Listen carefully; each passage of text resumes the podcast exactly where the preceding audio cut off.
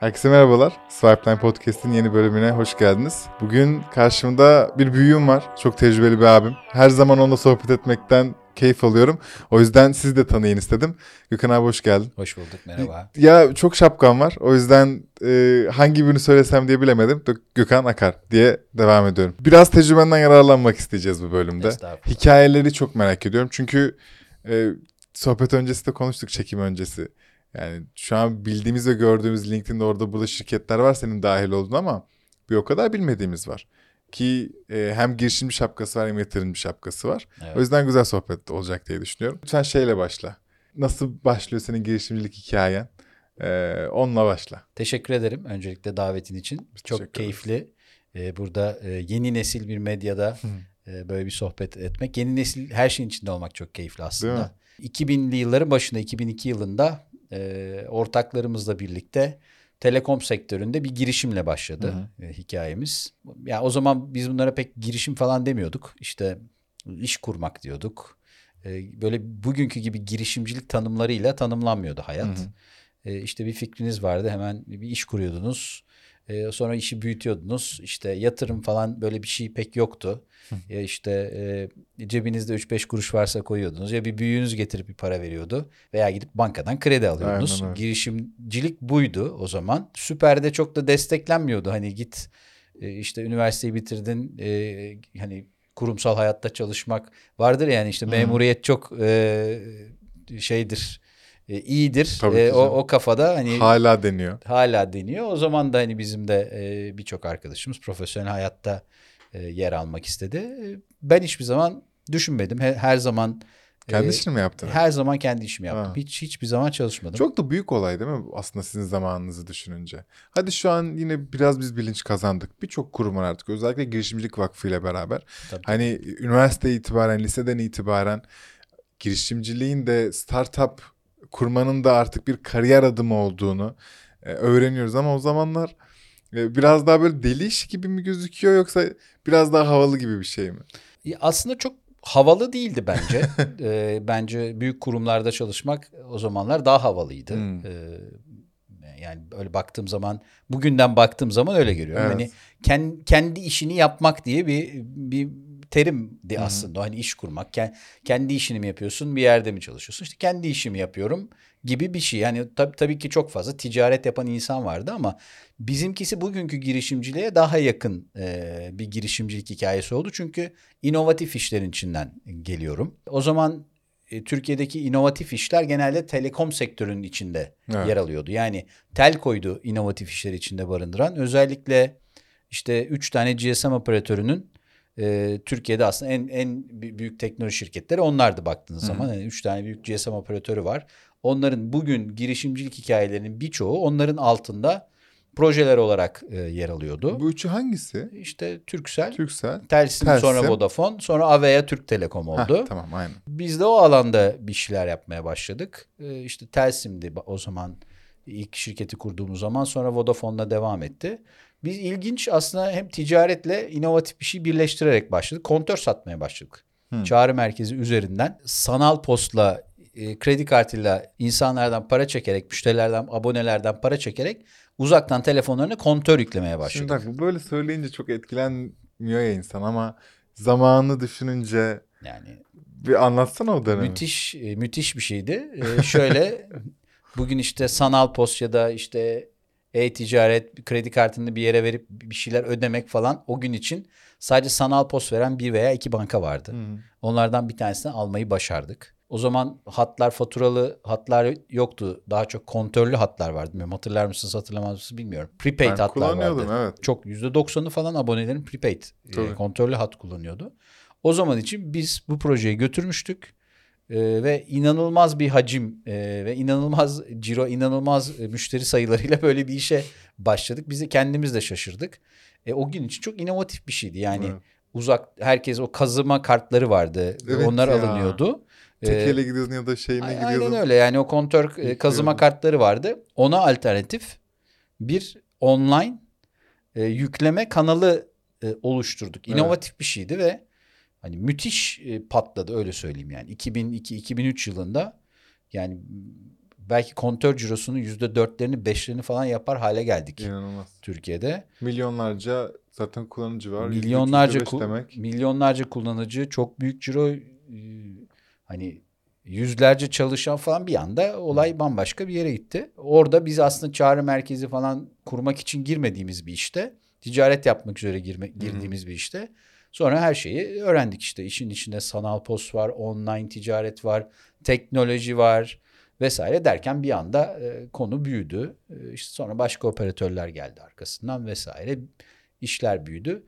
Derken de onun yanına da e, başarılı olunca başka şeyler de katılmaya başladı. Hı. Yani bugün e, işte e, artık çok isim vermeyeceğim ama Nasıl ismini bildiğimiz e, sonradan satılan, exit edilen vesaire bizimkisi biraz okul gibiydi aslında. Hmm. Okula okula döndü. Ee, hani bugün e, çok sevdiğim, birlikte çalıştığım, çok başarılı olmuş arkadaşlarım da var şu anda hala sektörde. Herkesin bildiği birlikte çalışıyorduk o dönemlerde. Ee, yani fintech işine girdik. Hmm. Ee, çok büyük bir markaya dönüştü sonra Türkiye'de. Ee, yine hem telekomun altındaydı. Oyun işine girdim. Yani biz bunları bilmeden girdik. Akıllı telefonlar çıkmadan önce aslında bugün uygulama dünyasında gördüğümüz her şey e, telekom altyapısının altında e, onların e, katma değerli servisler dedikleri Hı-hı. dünyanın altında yer alıyordu. Yani onların e, böyle belki yaşı yetenler hatırlayabilir. İşte logo, melodi, oyun vesaire deniyordu bunlara. Hatta gazetelerde böyle çarşaf çarşaf e, reklamları çıkıyordu. Altında SMS numaraları çıkıyordu. Bir şey Hı-hı. satın almak istediğin zaman o numaralardan SMS'e satın alabiliyordun.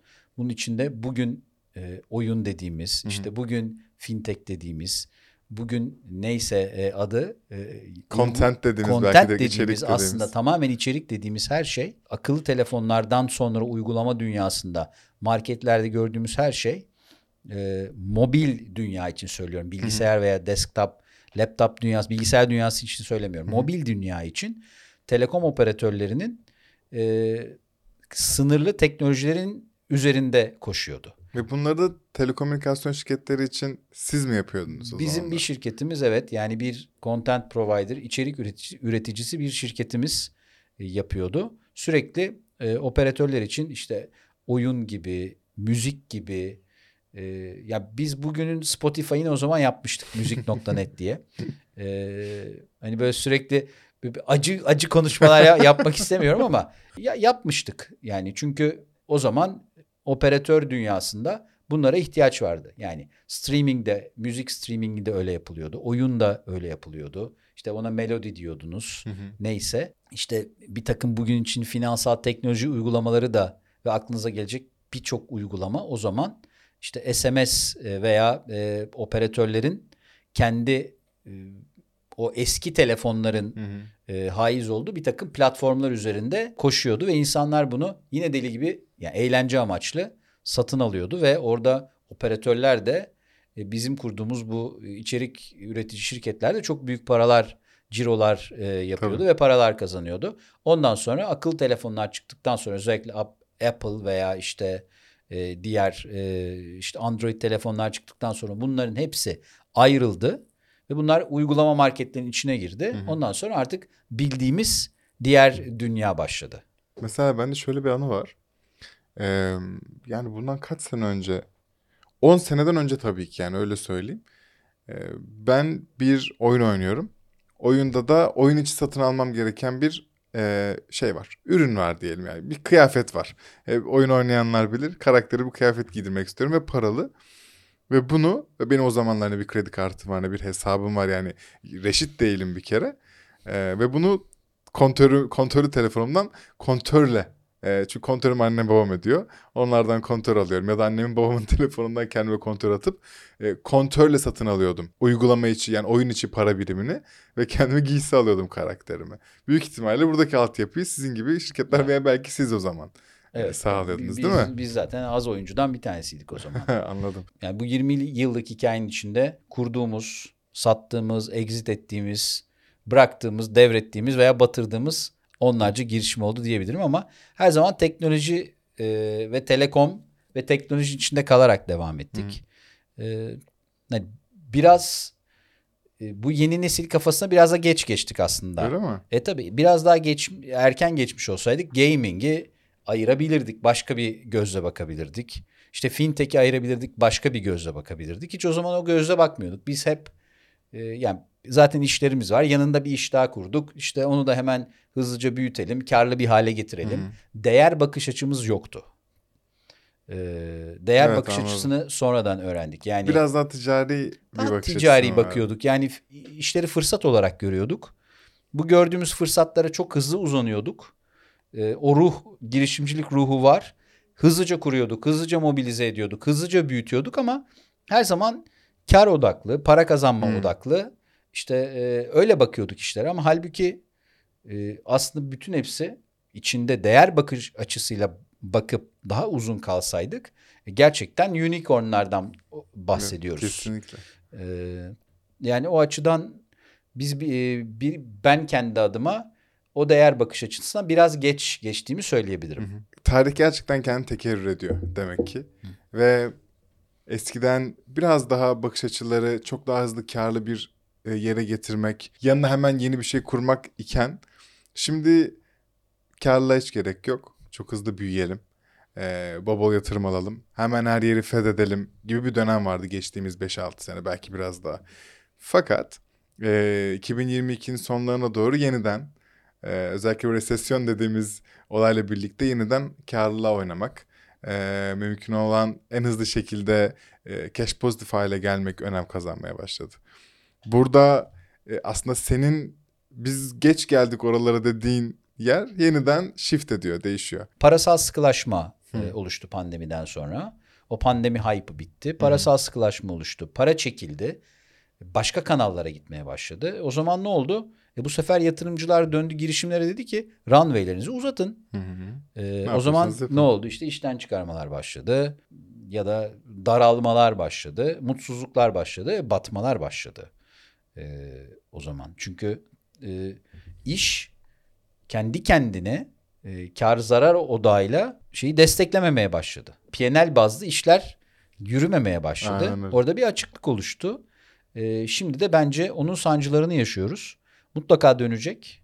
Başka bir yere geldik ama hı hı. E, mutlaka dönecek. Mutlaka hani 2024'te 2025'te tekrar ivme yukarı doğru gidecek ama burada gerçekten iş yapmayanlar, gerçekten sadece değeri oynayanlar yani işte iki tane şey var. Hem iş hem değer. Hı hı. İkisini birlikte götürebilmek lazım. Sadece değer biznesi yaratanlar bence buradaki bu e, aşağı dönüşten yukarıya dönemeyebilirler. Evet, kesinlikle. E, zorlanacaklarını düşünüyorum. Burada yatırımcı şapkana birkaç sorun var. Okey anlıyorum. Birkaç arkadaş birlikte bir projeksiyon sunuyorsunuz. Ama bazı rakamların da desteklemesi lazım. Çoğunlukla gördüğüm ana fark Türkiye'deki yatırımcılar ve globaldeki diyeyim hadi Amerika'daki diyeyim. E, o risk iştahı dediğimiz şey var ya ne kadar risk almaya ben meyilliyim. Hı hı.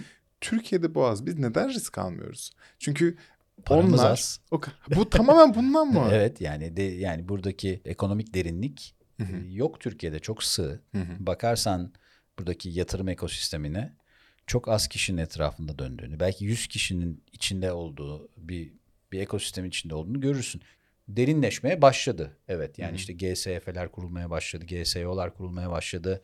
Bankalar yüzünü buraya döndü, büyük kurumlar döndü. İşte corporate VC'ler kurulmaya başladı. Çok değerli. Yani tabii hala kamunun birazcık daha işin içine girmesi gerekiyor çünkü en büyük güç kamu. 2023 için bütün bu değerlemeler aşağı indiği için, resesyon olduğu için vesaire böyle bir ya e, satış yapmaya yönelin. Yani e, şirketin %100'ünü satın ya da birleştirin başka şirketlerle. Bu, bu fırsatları mutlaka değerlendirin diye öneriler gelmeye başladı. Hı hı. Burada merak ediyorum tecrübelerinde bu konuya bakış açını. Yani e, ben şöyle gördüm hani tabii ki e, konsolidasyon böyle dönemler için e, mantıklı hani hı. ama konsolidasyon açısı varsa e, hani aslında hani şirketlerin birleşmesi, merge olması güzel ama zor. Hı hı. Her zaman zordur. Hiçbir zaman onun kolay olduğunu görmedim. Yüzde yüz exit etmek de her zaman kolay değil. E, tabii ki. E, varsa tabii ki çıkmak lazım. E, öyle bir potansiyel varsa. E, ben öyle bir potansiyelin çok olduğunu görmüyorum açıkçası hı hı. pazarda. Biliyor musun? Bayağı da var aslında ya. Şu an daha senenin başındayız. E, ki Şubat ayında hiç iletişim yapılmadığını düşünürsek e, bir bir exit haberleri yayınlıyoruz. Ve hiçbirinin e, şeyi yok.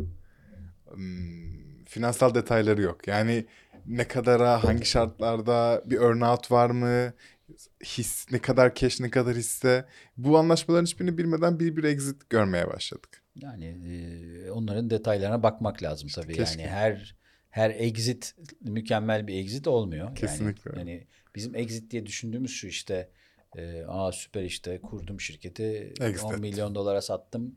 Ortaklar da ceplerine işte şu kadar para koydular. Şirketi verdiler çıktılar. Ben pek öyle bir şey görmedim. Yani bin tane çeşidi var yani bunun. Aynen öyle. Birleşme olabilir, swap Ben de olabilir. Ee, ben ondan çok emin değilim. Yani Türkiye'nin şu andaki konjonktürünün buna çok müsait olduğunu düşünmüyorum.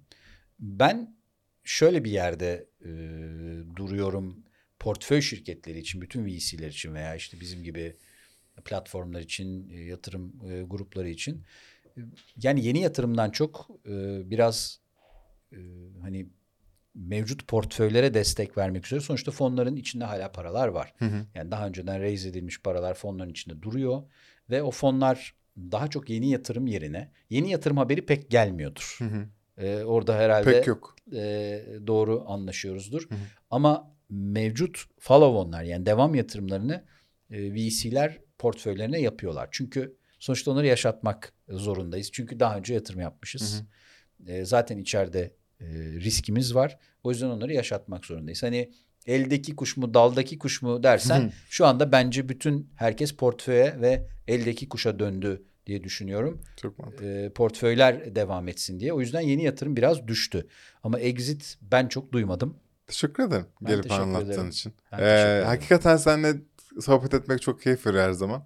Ee, şu anda böyle bilmediğim şeyleri de öğrenmek e, çok mutlu etti beni. Ee, Daha neler vardır sende de e, sonra belki öğreniriz bunları. Ben teşekkür ederim. Biraz dağınık oldu belki. Yok, E, değil. sohbet böyle karşılıklı. E, çok keyif aldım ben de. Çok teşekkür ederim davetiniz için. Dinlediğiniz için size de teşekkür ederim arkadaşlar. Şöyle küçük bir duyurum var. Biz newsletter'a başladık. Şimdiden 2000 takipçi, 2000 aboneye geçti. Ve her sabah 9'da yayınlıyoruz. O sabah kahvenize eşlik etmeye çalışıyoruz ve bu haberleri alırken, gündemi alırken biraz da tebessüm edin, edin istiyoruz. O yüzden bir tık samimi, bir tık mizah var içinde. Mutlaka göz atın. Açıklama kısmında link var. Bir sonraki bölümde görüşürüz diyorum. Kendinize iyi bakın.